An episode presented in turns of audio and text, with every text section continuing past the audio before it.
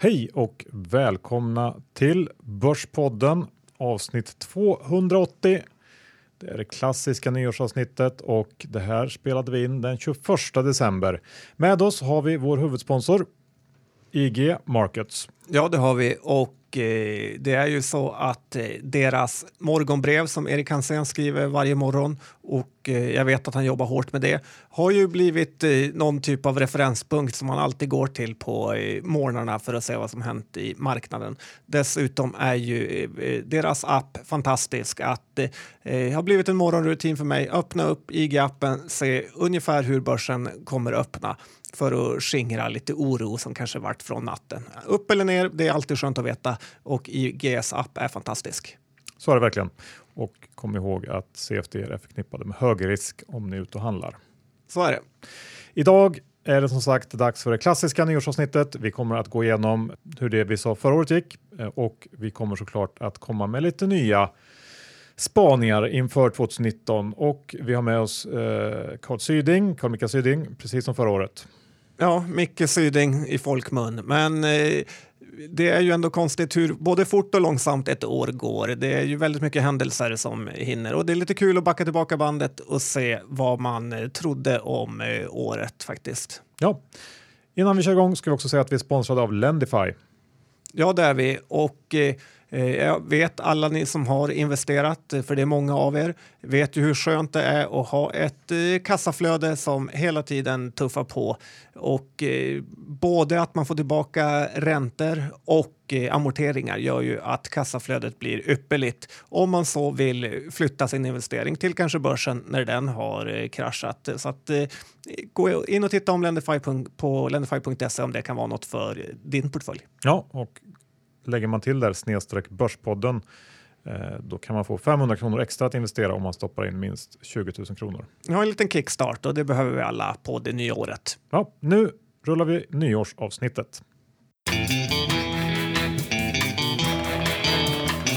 Så, välkommen Syding. Tack. Dags för det klassiska nyårsavsnittet. Börjar bli en tradition. Ja, äntligen så ska vi få, liksom, ska jag få glänsa i alla mina fantastiska prognoser. Ja. Skönt att höra. Du var ju här för ett år sedan. Vad har du varit upp to, som de säger?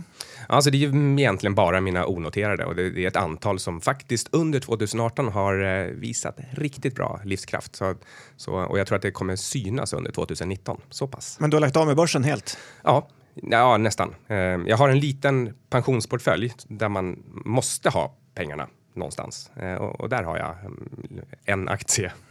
Vilken? Stockvik. Grattis! Den har jag för mig vi har pratat om förut i podden så att, uh, men ja, bra. Uh, det här är som, sagt nyårsavsnittet och eftersom du var med förra året så kan vi faktiskt gå tillbaks, titta på vad som sades då och se hur det blev. Mm, vi kanske kan börja då. Bara vinster va? Ja, nästan. Vi kan väl börja med dig, Siding. Du sa eh, att du trodde att cykliska bolag skulle gå ner. Det måste ju vara helt rätt. Det var 100% rätt. Eh, Bitcoin ner. Ja, och också, också gått ner ganska mycket. Ja. Sen så trodde du ändå att man kunde köpa banker Eh, att det var ett bra sätt att parkera pengarna och, och få någon slags direktavkastning som, som eh, ja, plåster på såren om man ska säga. Ja, det, det gick ju dåligt. Ja, Svenska banker har väl klarat sig rätt bra ändå. Man har bort, varit borta från danske. Ja, får, får man ändå liksom hävda att jag vill ju alltid se saker på mycket längre sikt. Men eh, visst. Ja, det, det mm, beror lite på. Swedbank är på nollan eh, för året och Nordea är ju ner 23 procent och de, de två du hade som förslag tror jag, så att vi får nog ändå säga att det inte riktigt gick hem. Eh, I övrigt så har du svag ekonomi, eh, räntorna kommer inte fortsätta stiga, Fed kommer inte att höja. Eh, du trodde också på fallande oljepris. Det var ju riktigt dåligt med Fed. Alltså jag, jag hade inte ett enda förtroende för, för Powell. Och, men oljepriset, jäklar ja. vilken nedgång. Ja, du fick ju rätt här på slutet kan man säga där. Så där var det ju 50-50 kan man säga, eller ja, svag ekonomi eh, har ju också kommit här på slutet så det är väl nästan eh, rätt på den också får man nog säga. Eh, sen så ville du tro att guld eh, skulle stiga. Men du var tveksam eh, och sa ett år till utan att det hände något med guldet och det var väl helt rätt får man säga. Ja, lite upp och lite ner under året och nu börjar det ser ut som att den får liksom lite fart här på slutet. Så att, Ja. eh, min prognos för 2019 kommer vara att guld ska man ha den här gången. Ja, vi får återkomma till det. Eh, du sa också regleringens år. Facebook, Uber var sådana som du sa kunde drabbas, eh, även bitcoin. Och eh, här eh, får vi väl också säga att det var rätt, Ja, tycker jag. ja det tycker jag också. Eh, sen hade du någon slags eh, spread, eller vad man ska säga. H&M skulle gå bättre än OMX. Mm, det där var ju liksom en tongue in cheek. Det var ju verkligen så här eftersom jag trodde båda två skulle gå riktigt dåligt. Men att H&M ändå trots allt hade redan gått ner så pass mycket. Men eh, det blev ju tvärfel. Ja, Eh, du var i och för sig nära här på slutet, men Mm, Men börsen var alldeles för stark och H&M för mycket som väntat. ja, H&M är ner 23 procent eh, per idag och OMX ner 11. Eh, så att det höll inte riktigt heller. Och som avslutande förslag hade du eh, att man kunde köpa softs och då hade du ETFen DBA som, eh, som kandidat där. Den har gått ner 9 procent.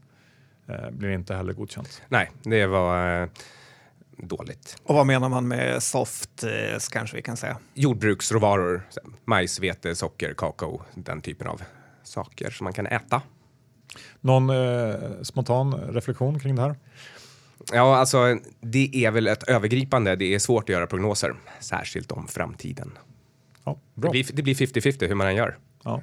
Så det gäller att sajsa i det man gör prognoser om.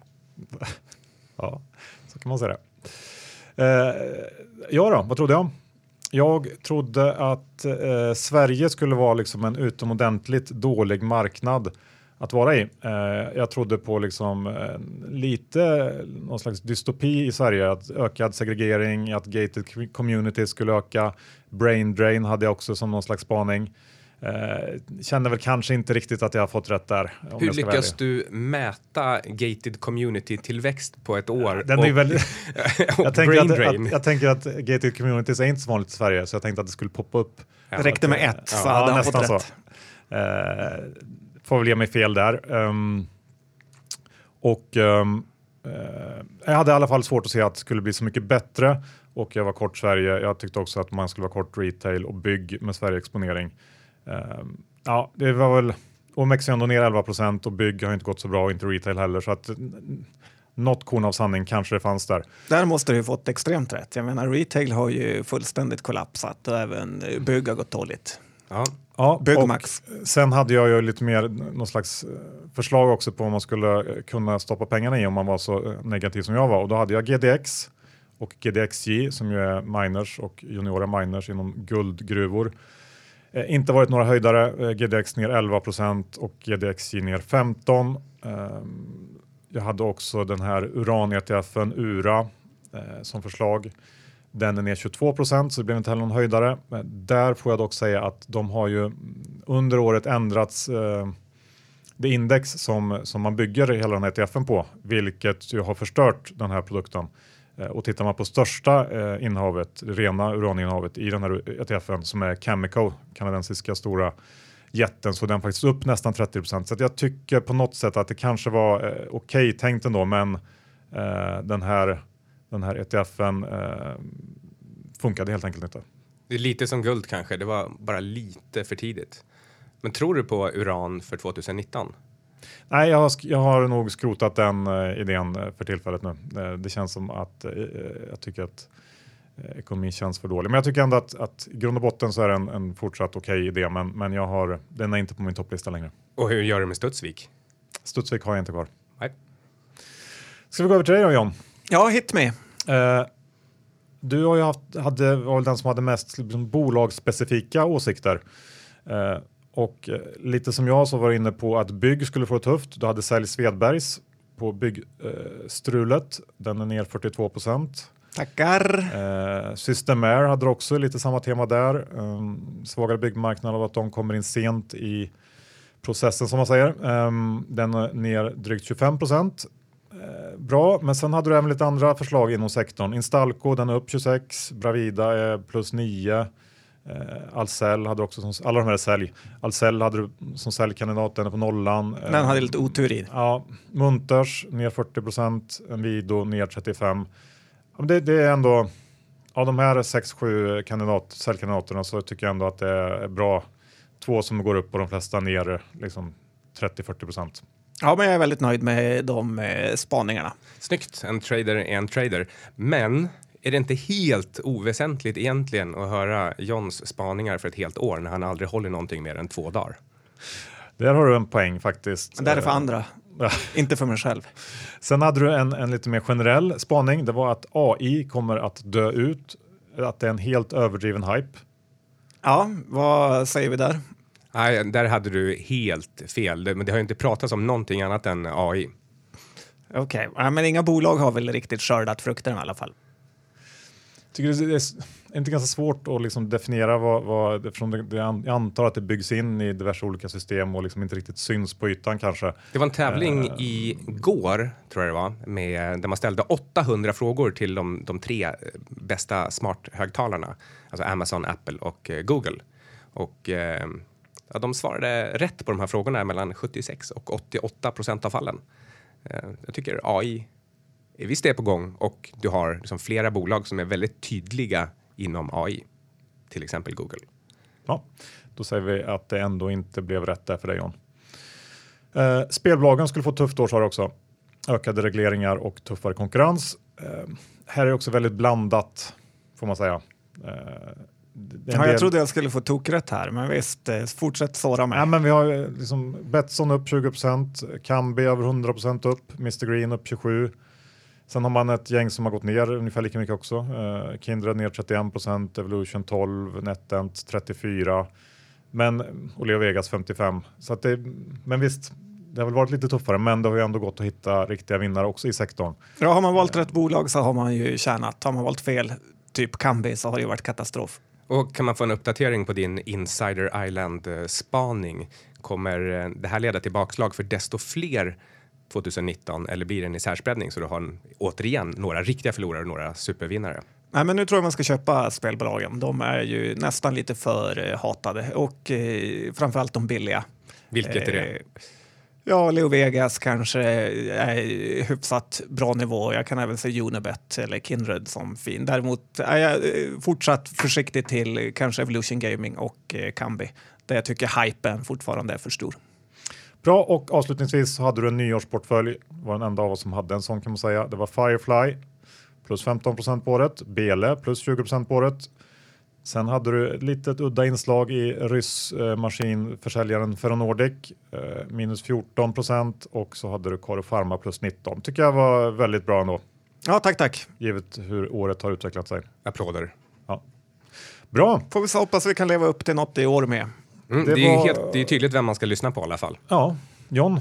Mm, mina lynchningar brukar bli hånade, men jag ger mig inte. Blir, eh, nej, men det var bra. Det är ändå kul att se hur det har gått. Eh, innan vi kör igång med 2019-spaningarna så har vi eh, lite sådana här listor som brukar dyka upp kring, eh, kring årsskiften. Årets XXX. Ja, det har vi och eh, jag har tagit ut tre särskilda händelser här. Vill ni höra? Ja. Och eh, årets eh, sopa. Det här är kanske lite tjatigt, eh, men jag kan ändå inte hålla mig. För eh, 2008 så eh, höjde han reporäntan rakt in i den största kraschen eh, börsen kanske någonsin sett. Eh, han utsätter Sverige för en, eh, ett unikt experiment och eh, sänker räntan i liksom, sju år in i den största högkonjunkturen Sverige någonsin haft eh, med skenande bostadspriser, krediter och sen höjer han eh, räntan nu igen rakt in i den här nya lågkonjunkturen. Mr Snegunga himself eh, eh, blir utnämnd till årets sopa, Stefan Ingves. Alltså man kan ju inte hålla med mer än det du säger om, men eftersom han inte är ointelligent eller saknar informationskällor, vad är då hans agenda egentligen? Ja, äh, det är lite det man kan undra. Man vill ju också lägga till det här att eh, man kanske inte ska gnälla heller så mycket att vi kommer bort från minusränta utan det är ju snarare något typ av, eh, ja, vi får vara nöjda att vi lämnar experimentet minusränta. En liten kommentar. Jag såg förresten att eh, en av storbankerna sänkte sin femåriga boränta nu som svar på Riksbankens höjning. Så det är en signal på att man höjer i fel läge. Ja, smart. Då kan vi fortsätta här på listan.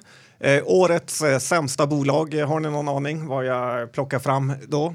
Det finns ju många att välja på. Oscar Properties, Fingerprint. Nej, men jag tycker de är ju lite för självklara för de har varit i fel eh, sektor. De har lite liksom, eh, det är otur också. Eh, jag har utnämnt Gunnebo till det här. Det här har varit ett turnaround-bolag sedan 2008. Eh, de har ju aldrig hämtat sig nästan och det är ju trots att bolaget har varit inom eh, såna här säkerhetsspärrar och eh, eh, kontantbetalning som vi säger Loomis har gått väldigt bra på. De har liksom varit i helt rätt eh, sektor. Men hela bolagets vinst har antingen gått till att betala räntor eller skatt i Frankrike och eh, nu när man slutligen säljer den här franska delen så kostar det otroliga belopp och aktiekursen tar nya bottennivåer. Eh, så att det är en samlad bedömning så utnämner jag det här till årets eh, sämsta bolag. Men då är den viktiga frågan, är det köpläge i den nu då? Eh, nej, jag tror att det är möjligtvis att vi får se en nyemission här innan det är köpläge. Sen kan det faktiskt eh, vara köpläge. Ja, nej, men det är svårt att argumentera emot, även om det finns många möjliga kandidater till den utnämningen. Ja, och Ja. sista då. Ja, men det är årets börsperson eller börspersoner och eh, här har jag valt att utnämna er två till det faktiskt. Eh, Ni har försökt intala allmänheten i någon typ av eh, nykter tillstånd. Ni har varnat för alla faror medan resten av börsfolket varit oroliga för att man inte ska tjäna tillräckligt. Eh, det är många nu som har fastnat med skägget i brevlådan eh, med rejäla surpussar och eh, visst, det har funnits sämre år på börsen, men jag tror ändå att en hel del lyssnare som har lyssnat på er har sparat en väldig massa pengar genom att vara betydligt försiktigare än de hade varit annars. Oj, oj, oj. Tack, tack, tack. tack. Eh, det finns ju en förkortning som har varit det som han har rabblat hela året. Eh, TINA, vet du vad det står för? Ja, there is no There is alternative. an alternative to stocks. Så man har ju liksom hela tiden vetat att det finns andra saker än aktier. Och nu lär sig folk det liksom på ett riktigt köttigt sätt också. Och egentligen så har vi har ju varit i en, eh, en lågkonjunktur eller i en, eh, en bear-marknad sedan 2014, men med lite cykliska inslag på uppsidan. Det är långa toppformationer och eh, det här har ju förstås Johan och jag sett hela vägen. Nej, men ni har faktiskt varnat eh, väldigt mycket. Ingen kan säga att Dr. Bass inte varit negativ till börsen. Så är det. Nej, sen är det det här med timing också, men det är en annan fråga. Eh, jag har också en liten lista John. Ehm, och jag tänkte börja med årets exit. Här har jag faktiskt två vinnare. Först den liksom uppenbara kanske. Det är ju förvaltarduon Armfelt och Sprinchhorn som lämnade Robur Ny Teknik i eh, ja, helt rätt tidpunkt får man säga. Ja, och det är, det är fortfarande hemligt vad de ska göra. Jag pratar en del med Erik, men han vägrar berätta. Han, han vägrar till och med berätta när de tänker berätta. Ja, det ser man. Ja, man kan gissa ungefär vad det handlar om i alla fall. Men svårt att tajma den, eh, den eh, exiten bättre. Och sen så vill jag såklart ge ett pris till Ola Orlén slash Hexagon och det här blir för sin försäljning av BIM Objects. Kanske inte exakt på toppen, men eh, inte alls långt därifrån. Det var också snyggt. Ja, Ola Rolén vet vad han gör och man ska lyssna på honom. Eh, jag skulle, en liten spanare där tycker jag ändå Christer Gardell skulle kunna vara med exiten i Volvo. Ja, men det var i- faktiskt eh, slutet 2017. Okej, Mm. ja, ta ett Men entryn i Ericsson var ju fantastisk. Ja, men det var inte heller i år. Va? Jaha, nej, okej. Men han har tjänat pengar på den i år. fort. Ja, precis, han, det är något annat pris han ska vinna. Det är inte eh, årets exit i år i alla fall. Men eh, kanske eh, årets eh, svensk som har mest pengar på Malta. Ja, det är, är hård konkurrens i och för sig. Eh, årets håsare. Om vi hade haft den här listan tidigare så hade nog Labull eh, vunnit den lika många gånger som Zlatan ungefär i rad. Men i år så har ju Labull på något sätt tagit ett steg tillbaka och vi har fått in en ny eh, person som har på något sätt eh, ja, tagit över stafett, stafettpinnen. Anders Hägerstrand. Ah, nej, jag tänker på eh, Per Johansson på Bodenholm. Alltså, ja, Ja. han har ju varit ute i media och även i podden. Ja, ja, vi gillar ju Per eh, mycket och tycker att han är en, en frisk fläkt i förvaltar-Sverige som i övrigt är ganska slätstruket. Så att, eh, det är liksom i positiv bemärkelse. Ja, verkligen. Och eh, det är kul att få lite internationella eh, känslor i den svenska marknaden. Och har han träffat rätt? Han träffade väl rätt eh, liksom tillfälligt, eh, men finns det någon uppdaterad? Ja, Kambi som väl är hans största HSR-case får man ju ändå säga. Det är ju en aktie som ändå är upp över 100 i år. även om den har tappat lite på slutet. Så att, ehm, ja, det får man väl säga tycker jag. Ja, verkligen. Även helt rätt att prata negativt om XXL, även om det inte har med haussning att göra. Precis. Eh, årets serie, någonting helt annat, men ändå lite liksom finansrelaterat. Eh, det är inte Billions, utan det är eh, HBO-serien eh, Succession. Har du sett den? Ja, nej, jag har inte sett den. Ja, den har jag sett. Handlar om hm familjen Typ, om man vill. Man kan ju, man kan ju eh, fantisera och stoppa in vilken mäktig familj som helst i den. H&M är ju annars eh, extremt intressant för, som liksom en av de stora grejerna för 2018 tycker jag. Ja. Eh, ständiga köp av en insider vilket eh, jag tycker är en signal om att någonting inte står rätt till. När man liksom hela tiden köper på fel nivåer i samband med rapporter och dessutom samtidigt eh, ständigt eh, ljuger om varulager och marginaler. Då har man liksom fått, man har liksom haft det här nedsidecaset serverat för sig hela vägen. Men berätta om varför de ljuger. Det är ändå aggressivt eh, påstående. Ja, men det undrar jag också varför de gör. Ja, men, eh, i, i, mellan kvartalen så, så säger de att nu säljer vi som bara tusan. Nu, nu kommer vi sänka lagret. Eh, men eh, frågar man till exempel folk som faktiskt eh, tittar på retail och handlar i retail så förstår de inte alls varför eh, de skulle lyckas rensa lagren givet hur vädret ser ut och vilken typ av produkter det är de säljer. Mm. Tycker ändå New Wave har eh, rekord i varulager så att H&M känns ändå nu, rätt nu soft. Nu tog du lite av min nästa kategori här. För det var faktiskt årets insider och det är Stefan Persson som vinner det priset. Han är ju störst och han har ändå gett allt måste man säga. Och inte tvekat en sekund och det får man ändå ge honom lite cred för. Ja, men han har ju inga alternativ. Alltså, och om man som, som insider pumpar in miljarder i ett bolag och på ett sätt också som skrämmer andra investerare och ens aktie ändå rasar som H&M har gjort eh, tre år i rad.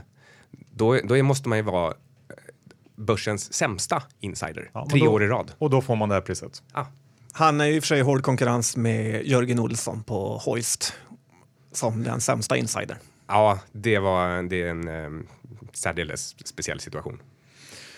Sen har vi eh, årets krasch blir krypto och det behövs ju ingen vidare motivering. Det är bara så. Um, jag tänkte gå vidare lite med krypto i min eh, 2019 spaning så vi lämnar det där. Sen har jag årets bok. Jag har inte läst jättemycket böcker i år, eh, men ändå eh, hunnit med några och jag tycker att de flesta jag har läst klarar man sig ganska bra utan. Ehm, några exempel är Hararis 21 tankar om det 21 århundradet tycker jag inte att man behöver läsa. Tycker inte heller att man behöver läsa Ray Dalios Principles eh, och den här hypade eh, 12 Rules for Life av Jordan B. Peterson tycker jag inte heller att man behöver eh, läsa. Tycker jag är bättre att läsa Knausgården och sånt. Eh, men min favorit i år är istället The Evolution of Everything av Matt Ridley. Den tyckte jag var riktigt bra. Eh, den här boken är i och för sig ett par år gammal eh, och handlar som titeln antyder om evolution Kanske låter lite tråkigt, men så var det inte, utan eh, den tycker jag man kan läsa under jul. Jag kommer inte ihåg vilka böcker jag har läst just i år. Sapiens var förra året, va? Ja, den kom ju för några år sedan, men du... Ja, men då är det också, de var lite sen. Det var säkert 2017 jag läste den. Så då räknas inte den. Nej, då, då det enda som egentligen har fastnat hos mig, för jag till exempel gillar inte Howard Marks eh, Market Cycles. Jag tycker den är ja, men lite... Det är ingenting direkt nytt. Han skriver bra, han skriver roligt, men ja. Um, och eh, jag håller med om 12 Rules for Life. Eh, den har intressanta poänger, men den är alldeles för lång och eh, liksom, det där skulle du kunna göra på 12 tweets istället. Men däremot så gillar jag en eh, sci-fi bok och jag lyssnar på en del forskare och eh, en del av dem säger helt enkelt att de ser till att läsa lite sci-fi varje dag som eh, motmedel mot den här liksom, äckliga nyhetscykeln i eh, alla typer av media. Så jag eh, har läst eh, Lou Cixins eh, trilogi eh, som slutar med boken Death's End som kanske är den bästa bok jag har läst. Mest fantasiväckande någonsin. Spännande, bra tips. Mm. Ja, jag har inte läst några böcker så att jag har inget att kommentera. Bra och avslutningsvis årets antiklimax och här är det Eh, återigen delad första plats mellan eh, ABB och deras försäljning av powergrids eh, samt eh, Saab och deras stororder på flygskolplan. Eh, Eller skolflygplan heter det. Eh, två rejäla antiklimax helt enkelt eh, som eh, på något sätt kanske kan symbolisera börsåret 2018 också. Kan man inte slänga in någonting om Fingerprint här också? Att de äntligen åkte ut ur OMX där de var som att det inte alldeles för länge. Fingerprint var inte 2018 på något nej, sätt. Nej, det hände ingenting med nej. dem, men de har gått ner mycket. Ja, så kan man säga. Nu går vi över till 2019. Eh, Vad kommer att hända? Ja, får jag börja eftersom jag hade mest rätt, eller? Ja. ja, nu blev ni paffa. Eh, nej, men jag tror att 2019 kan bli uppvaknandets eh, år faktiskt. Att, eh, eh, det känns som att vi redan är på väg dit, men man får ändå lite samma känsla som man kanske hade efter 99. Eh, att man kanske börjar fundera om Amazon, de säljer lågmarginalprodukter som Coca-Cola och fiskespön på nätet eh, och vi värderar det till att vara världens största företag. Eh, eller till exempel Spotify som är en app eh, där man kan lyssna på musik eh, som inte ens är deras. Det är lite som nätets MQ. De säljer andras grejer. Och det här gör att man kanske återgår mer till bolag som funnits länge och faktiskt genererar eh, vinst. Eh, det här blir ju då väldigt negativt för de amerikanska börserna eh, som har den största delen av de här bolagen. Det kommer också, kan jag förutspå, en sån här stor kollaps av alla SUP 49 och allt vad det heter med startup-hubbar där det är en blandning av folk som har jättedåliga idéer och inte orkar skaffa ett eget kontor eller folk som inte ens kan få ett eh, riktigt jobb eh, look hos talking kanske någon säger, men visst. Eh, eh för vanliga bolag så tror jag ändå att 2019 kan bli ett ganska bra börsår med återhämtning. Eh, man ska inte glömma bort att eh, 2018, som året har varit, har ju varit ett väldigt uselt börsår historiskt. Eh, och när vi har de här jättekollapserna som jag tror att ni kanske tror att 2019 kommer att bli, så brukar ju det komma efter, alltså när börsen går ner 30 till 50 procent, så brukar ju det komma efter de här jättebra perioderna, typ 90 till 99 eller 2003 till 2007 Eh, då börserna har gått upp kanske eh, 20 till 70 procent per år i flera år och inte eh, så här hankat sig fram med några få procent per år. Så att, ja, det är vad jag tror om framtiden. USA har ju gått upp väldigt mycket. De har ju gått upp på ungefär det sättet som du pratar om, i alla fall sedan 2009. Och när USA faller så faller Stockholm också, oavsett hur mycket vi har gått upp. Så eh, jag köper inte det här att, eh, att det måste gå liksom, upp väldigt mycket i Stockholm för att eh, det ska kunna falla. Nej, gör, gör inte det då. Men däremot, däremot så eh, håller jag med om att den här typen av liksom, high flying tech-aktier och jag vet inte, liksom, Spotify är ingen teknologiaktie på så sätt, men, eh, men eh, den ska säkert ner tillsammans med de andra generalerna som verkar vända hemåt nu och som jag också tycker därmed signalerar att vi står inför en stor nedgång på börsen. Och, eh, och det tycker jag också stämmer väl överens med att ja, vi fick en liten nedgång 2018 Eh, och, och, när du har fått en nedgång, då, då startar du någonting och då får du en nedgång även året efter. Mm. Eh, men med det sagt så Spotify är fortfarande någonting som jag tror på på lite, lite längre sikt. Jag eh, tror absolut att eh, den här musikplattformen, det är någonting som man, eh, man gifter sig med och eh, man kommer liksom inte ur den. Jag försökte till och med säga upp den, ehm, ja, men, eh, men ångrade mig. Insåg att nej, jag måste ha den här musiken. Nej, det, alltså argumentet är ju med Spotify är inget eh, dåligt företag eller, eh, men värderingarna på de här typen av bolag är väldigt eh, höga och att man kanske inte värderar till exempel Amazon till P100 för att de har en lyckas sälja mycket. Det, det, är lite min tanke och där som det är klart man är orolig för att det drar med sig hela börserna.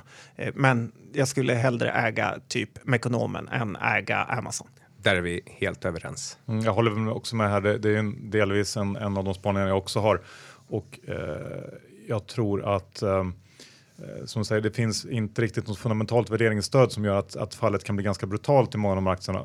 Kombinerat med att vi nu menar, nästan hela året kan man säga, eller börjar kanske för ett år sedan, fått eh, liksom betydligt tajtare eh, financial conditions som man säger på engelska. Vad säger man på? Men det har blivit liksom dyrare att låna, det har blivit eh, riskvilligt kapital kanske minskat och, och, och helt enkelt um, ja, svårare för den här typen av bolag som eh, även de kanske mest liksom, som anses som mest framgångsrika, ta Netflix till exempel, eh, behöver fortfarande väldigt, väldigt mycket kapital för att, eh, för att driva runt sin verksamhet. De är ju liksom rejält kassaflödesnegativa och eh, det tror jag blir en till sån här faktor för de här techaktierna eh, som kommer att liksom, eh, accelerera det här fallet neråt för många av bolagen. Mitt huvudtema för 2019 det har med eh, värderingar och eh, obligationer att göra. Jag tror inte att vi får en eh, finanskris. Jag tror att man är alldeles för förberedd och välrepeterad på liksom, finanskriser och hur man, hur man löser dem. Däremot så är värderingarna alldeles för höga. Eh, I USA på liksom det mått som ändå har funkat eh, över cyklerna, alltså en, en slags price sales mått, så är de fortfarande tre gånger så högt värderade som eh, historiska snittet. Och skulle vi dessutom få någon typ av undershooting på det där, vilket mycket väl kan, kan bli om, man, om euforin byts ut mot lite pessimism. Så då liksom, vi har förutsättningarna för att börsen ska ner ordentligt, men däremot inte att banker går omkull eller ta liksom det här som många pratar om nu att eh, det, det, finns dubbelt så många triple B-ratade eh, obligationer nu som inför förra krisen, alltså typ 8 trillion istället för 4 trillion. Och eh, eh, att de här skulle kunna hamna i ett krisläge eller forced selling för att de, eh, de liksom hamnar under eh, men det tror jag absolut inte på, utan jag tror att man kommer göra precis som med förra krisen, att då ändrar man bara reglerna och säger att jo, men de är visst investeringsbara även om man skulle sänka ratingen. Eller så eh, säger eh, Fed eller någon annan att eh, ni, ni, får inte sänka de här. Det är, mm, det är ett hot mot nationen eller någonting. Alltså, att man kommer inte låta finanskrisen få fäste för det är för stort om det händer. Och därför så blir min spaning att, eh, att man kan köpa banker. Visst, de kommer också gå ner. Vi kommer, kommer se kreditförluster och liksom de, sakta men säkert smyger det där igång. Men i slutändan i Sverige så kommer vi ändå sitta med vår handfull banker, samma banker och som ska ha samma andel av ekonomin och göra sina vinster i, i efterhand. Så, eh, så att eh, om man ska sell, sell the rip på allting annat så ska man buy the dip på banker under 2019. Du och Gardell, kan man säga att du, du skickar vidare ditt, ditt uh, råd från förra året helt enkelt? Ja, jag är väldigt långsiktig. Mm. John, uh, hade du något mer? Ja, jag har ju ett gäng bolag eh, och tre investeringsidéer som jag tänkte, vill ni höra dem? Ja, tack. Eh, och eh, bolag då som jag tror kan göra comeback under 2018 här med min positiva tolkning. Det är ju att jag tror ju ändå, det kan låta banalt, men det som går ner tror jag någon gång kommer upp faktiskt. Och eh, det är ju så att det gäller ju att köpa billigt och då måste man köpa saker som har gått ner. Eh, och bilbranschen har ju fått alldeles för mycket stryk. Eh, jag har ju själv följt Mekonomen på nära håll och de har ju gått uruselt, eh, framförallt sedan deras eh, danska förvärv. Då kan man kanske tänka att det här bolaget de köpte från har gjort en jättebra affär genom att lura på Mekonomen det här och det är tyska Hella som är börsnoterat i Tyskland och det bolaget har också tappat 50 procent i år. Sen Eh, Mekonomens huvudägare LKQ som är noterade då i USA, de har också tappat eh, 50 procent. Eh, det är ju en liten sån här oro i marknaden att millennials vill inte ha bilar och det, bilarna ska bli självkörande och aldrig krocka. Och då kan man ju tro att till exempel Vioneer ska gå jätte, jättebra. Men de har ju också kollapsat för att det är så mycket trögare i den här sektorn än vad man själv kan tro. Eh, och så tänker jag lite, du pratar om sci-fi, Syding, men alla de här filmerna man har sett i framtiden där flygande bilar och flygande rymdskepp så har det ju alltid funnits någon som kör dem. Eh, de här fordonen har ju aldrig varit eh, självkörande. Jag vet inte om det säger något, men jag tror att hela den sektorn är för utbombad. Ja, alltså det verkar ju dröja det här med självkörande bilar. Det är svårare än man tror. Verkligheten är knepig. Man kan ju tänka sig en, ett mellan, en mellanting. Det finns en, en körande AI i bilen, men det sitter också en, en kinesisk bilförarfarm någonstans uppkopplad som liksom hela tiden är med och, och rättar till saker när, när det går snett. Ja. Lite som drönare från, hoppas uppkopplingen funkar då kan man ju hoppas. Det finns faktiskt en svensk startup som har precis den idén. Eh, att sitta med någon slags eh, radiostyrning från något centralt håll och hålla koll. Mm. Ja, men det verkar väl rimligt och tillräckligt många i en sån farm så, så funkar det. Mm. Ja. Ja, bra. Eh, ett annat case jag har då och det är ju återköp av preffar. Ingves höjde ju räntan här med nöd och näppe och och eh, planade ändå ut räntebanan och det här tror jag ändå innebär att vi kommer ha lite av så här, japanskt eh, lågräntesamhälle eh, forever eller kanske närmsta liksom, tio åren. Eh, och då tror jag ändå att man kan leta sig till preffar för man får en ganska säker avkastning här. Eh, men med lilla twist på det här då att jag undrar nog inte om de som har ställt ut preffarna kommer vilja köpa tillbaka dem faktiskt. Eh, tidigare så var det ju lätt att få räkna preferensaktier som eget kapital. Eh, men bankerna har blivit hårdare på det här och eh, synar ner det. Benson skrev ju i Börsplus att eh, Akel, han tror Akelius kommer lösa in sina preffar under 2019 Eh, på 345 kronor och det låter ju hyggligt rimligt. Eh, och eh, jag tror mer att bolag som de här fastighetsbolagen som har stabila finanser lika gärna kan lösa in eh, sina preffar. Eh, för, för det är, får de ett avkastningskrav på 6% på en fastighet så kan de lika gärna sälja den, köpa tillbaka preffar, sänka risken i bolaget, få mer balansräk bättre balansräkning och på så sätt eh, få upp värderingen ja, vad tror ni? Alltså, jag hänger inte med. Det är alldeles för mycket information. Okej. Okay. Johan? Ja, men, det låter rimligt. Varför inte? Absolut. Du måste lära dig lyssna, Syding. Det är därför du missar mina förra årets bra tips. Eh, och den sista spaningen här då är att eh, svenska bankerna, precis tvärt vad du tror, eh, Syding, att eh, de här banker och kreditbolag har klarat sig alldeles för bra och jag tror inte det är hållbart. I alla kriser så kommer den här typen av bolag att drabbas eh, hårdast.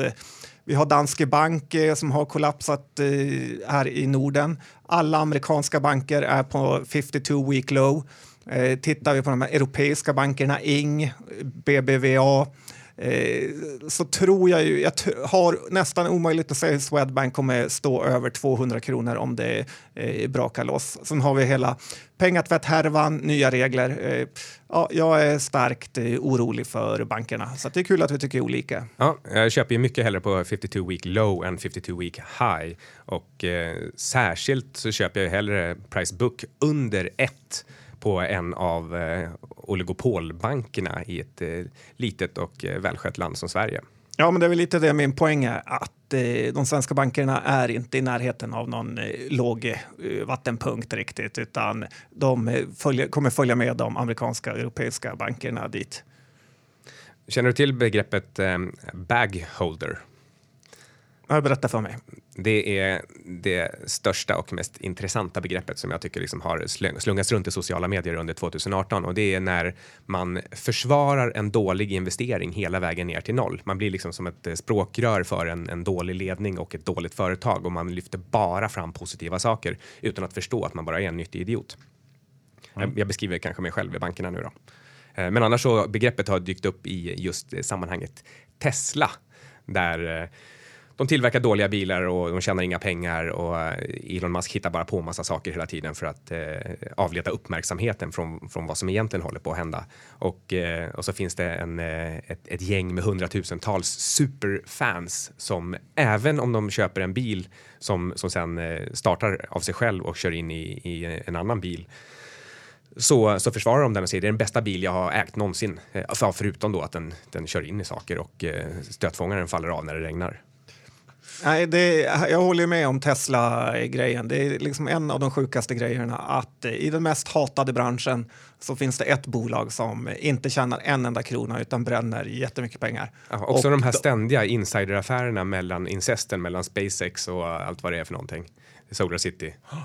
Att, och att han inte åker i, i, fängelse för att ljuga om ett bud som är, det är så uppenbart. Och när de pratar med SEC om det här då, de är inte ens uppkopplade på Twitter. De bara, va? Har han sagt det där? Mm. Ja, han är expert men, på att klara sig härvar. Är det en av dina spaningar eller Tesla? Tesla, eh, alltså jag har gett upp min kort i Tesla. Det blev min eh, största förlust under 2018. Och eh, men Anna håller kvar och hon är på break-even. Hon har tradat den bättre också. Ehm, det borde vara så att gravitationen funkar till slut. Jag menar, Tesla kan inte tjäna pengar. Det är ett värdelöst företag eh, och de har 12 miljarder dollar i skulder. Så även om det är värt 12 miljarder dollar så är aktien värd noll.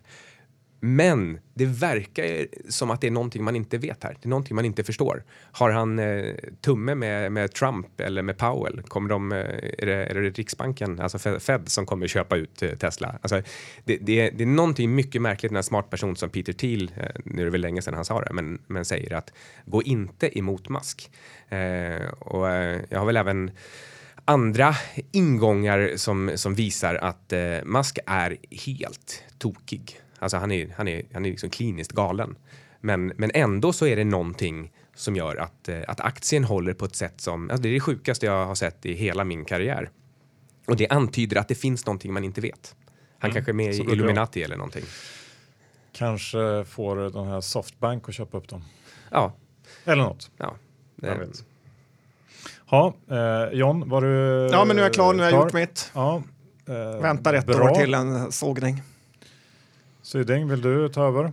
Min absolut sista spaning, och det var väl där vi började, det är att eh, nu, nu blir det guld. Eh, guld har gått igenom sin lågkonjunktur och eh, vi har eh, radat upp alla liksom, problem som kan, man kan tänka sig med eh, obligationer och centralbanker hit och dit. Eh, de stora ekonomierna har positionerat sig vad gäller eh, guld och eh, reserver.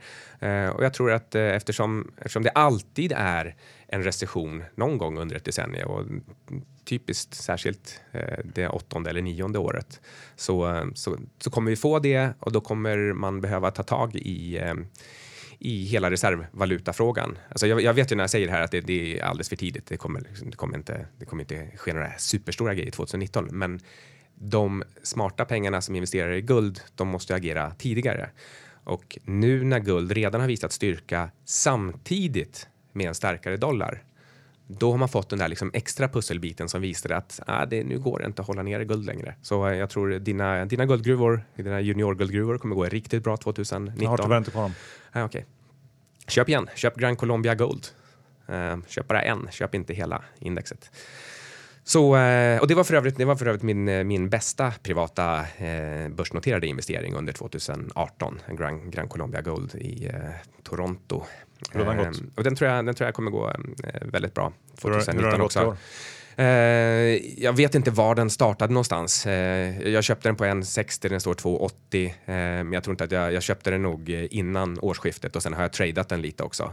Um, och, och nu äger inte jag den själv direkt längre, men Anna äger den i den portfölj som hon förvaltar åt mig och där har hon också eh, tradat den på ett bra sätt. Sålt, sålt högt och köpt lågt. Så eh, det blir liksom lite fel när man säger att man, eh, man ger en rekommendation för ett år och så ska den mätas 12 månader senare. Det funkar ju inte så, eller hur John?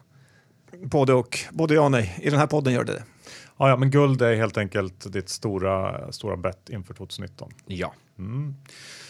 Bra. Um, jag ser lite framför mig att en av de liksom starkaste trenderna inom finans vi haft egentligen sedan finanskrisen eh, kan vara på väg att liksom, skifta lite grann eh, under 2019 och då det jag tänker på är ju den här trenden med eh, passiv investering och hur ETF har vuxit sig enormt stora och tagit liksom merparten av allt nytt kapital som kommit in på på eh, all världens börser. Och det här förstår man ju. Eh, liksom det, det, är låga avgifter och eh, när vållan har varit ganska låg som den varit och det har tuffat på upp fint varje år så är det ju rimligt att göra så. Eh, många tycker att det har funkat bra och ja, helt enkelt eh, är nöjda med hur lätt det är och så där. Men jag tror att den här eh, nedgången vi haft här under hösten, den är ju eh, värre än vad vi har sett på många år. Eh, för det har inte gått att köpa dippen på samma sätt och jag tror att eh, det i sig kan liksom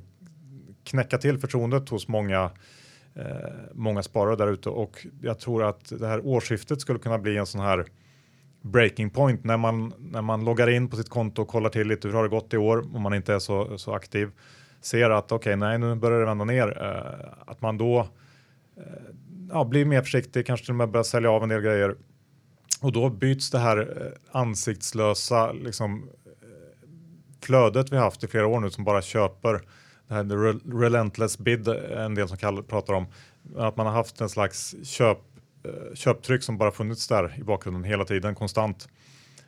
Att det skulle kunna svänga om och bli precis tvärtom. Inte säkert att det händer, men jag skulle kunna se hur det skulle kunna bli så och därför tror jag också att de första, kanske det första kvartalet för 2019 blir väldigt viktigt för, för liksom börsen i stort eh, under året och eh, om det vill sig illa eh, beroende på hur man är positionerad så skulle det kunna bli ett ett sånt här eh, Ursus Magnus-år som Gave Kell skriver om ibland, alltså eh, den stora björnens år på något sätt. Eh, drivet delvis av sådana här tekniska eh, faktorer. Ehm, men det är väl liksom en, en sån där spaning som jag har. Jag är lite svårt bara att det har något att spela roll med ETFer och indexfonder. För jag menar, folk hade sålt sina vanliga fonder av aktivt förvaltade personer ändå och då skapas de här säljtrycken. Så visst, det kom, att säljtrycket kommer, ja självklart. När Birgit eh, 52 går in på Swedbank och kollar sin fond. Men det tycker jag inte har något att göra med ETFer. Och... Absolut, så är det ju delvis. Men, men det är också, jag tror ETFer som produkt gör det ju lättare att agera liksom i, i, i liksom affekt och, och, och, snabbare och liksom impulsstyrt än kanske med eh, fonder. Men visst, det är väl kanske inte eh, jätte, jätteskillnad mot vanliga fonder. Nej, och sen håller jag, allt avgörs ju på marginalen så att det räcker ju bara att några få eh, säljer så vänder från köp till sälj så blir det ett enormt men jag, menar, men jag, jag, tycker också att hela liksom, eh, den största ETFen i världen är väl den här eh, S&P ETFen Spider. Um, Spy, SPY. Ja. Och eh, den blir ju väldigt liksom, mekanisk i sin liksom, på det sättet den köper och väldigt liksom, prisokänslig på ett annat sätt än vad kanske en aktiv förvaltare skulle vara.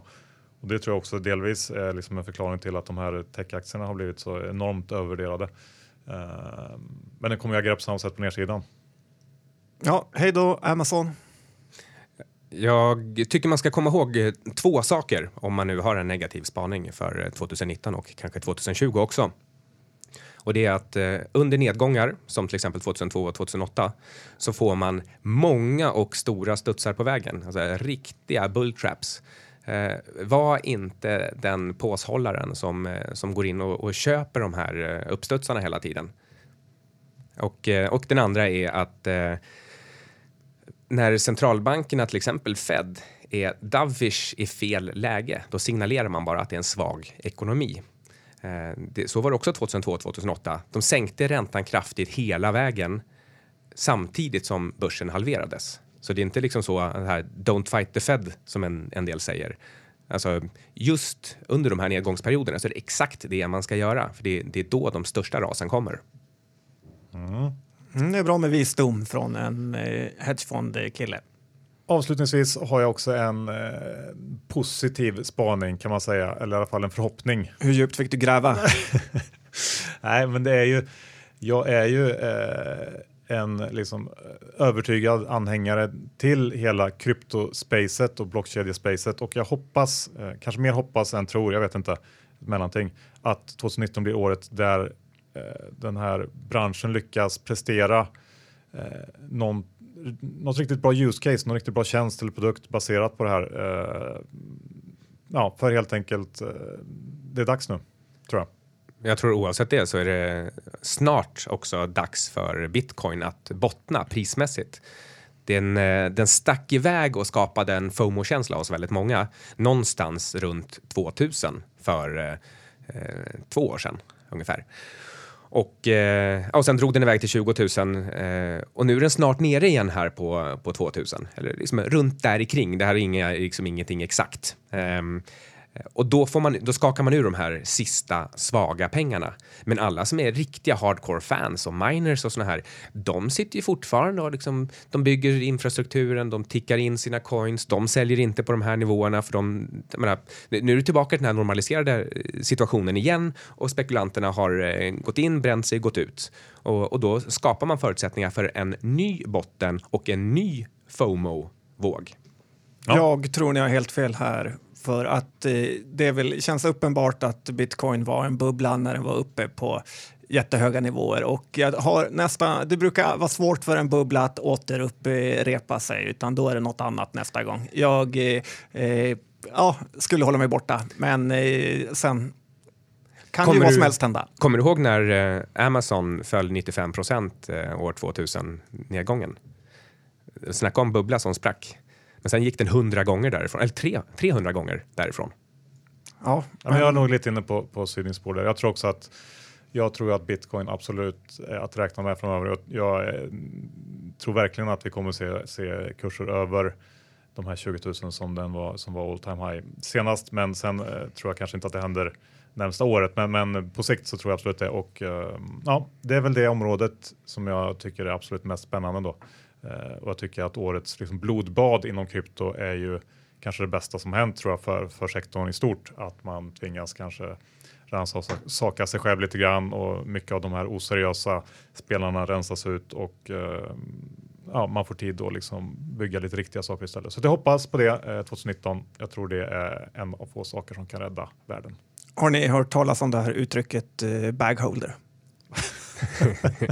Hej då!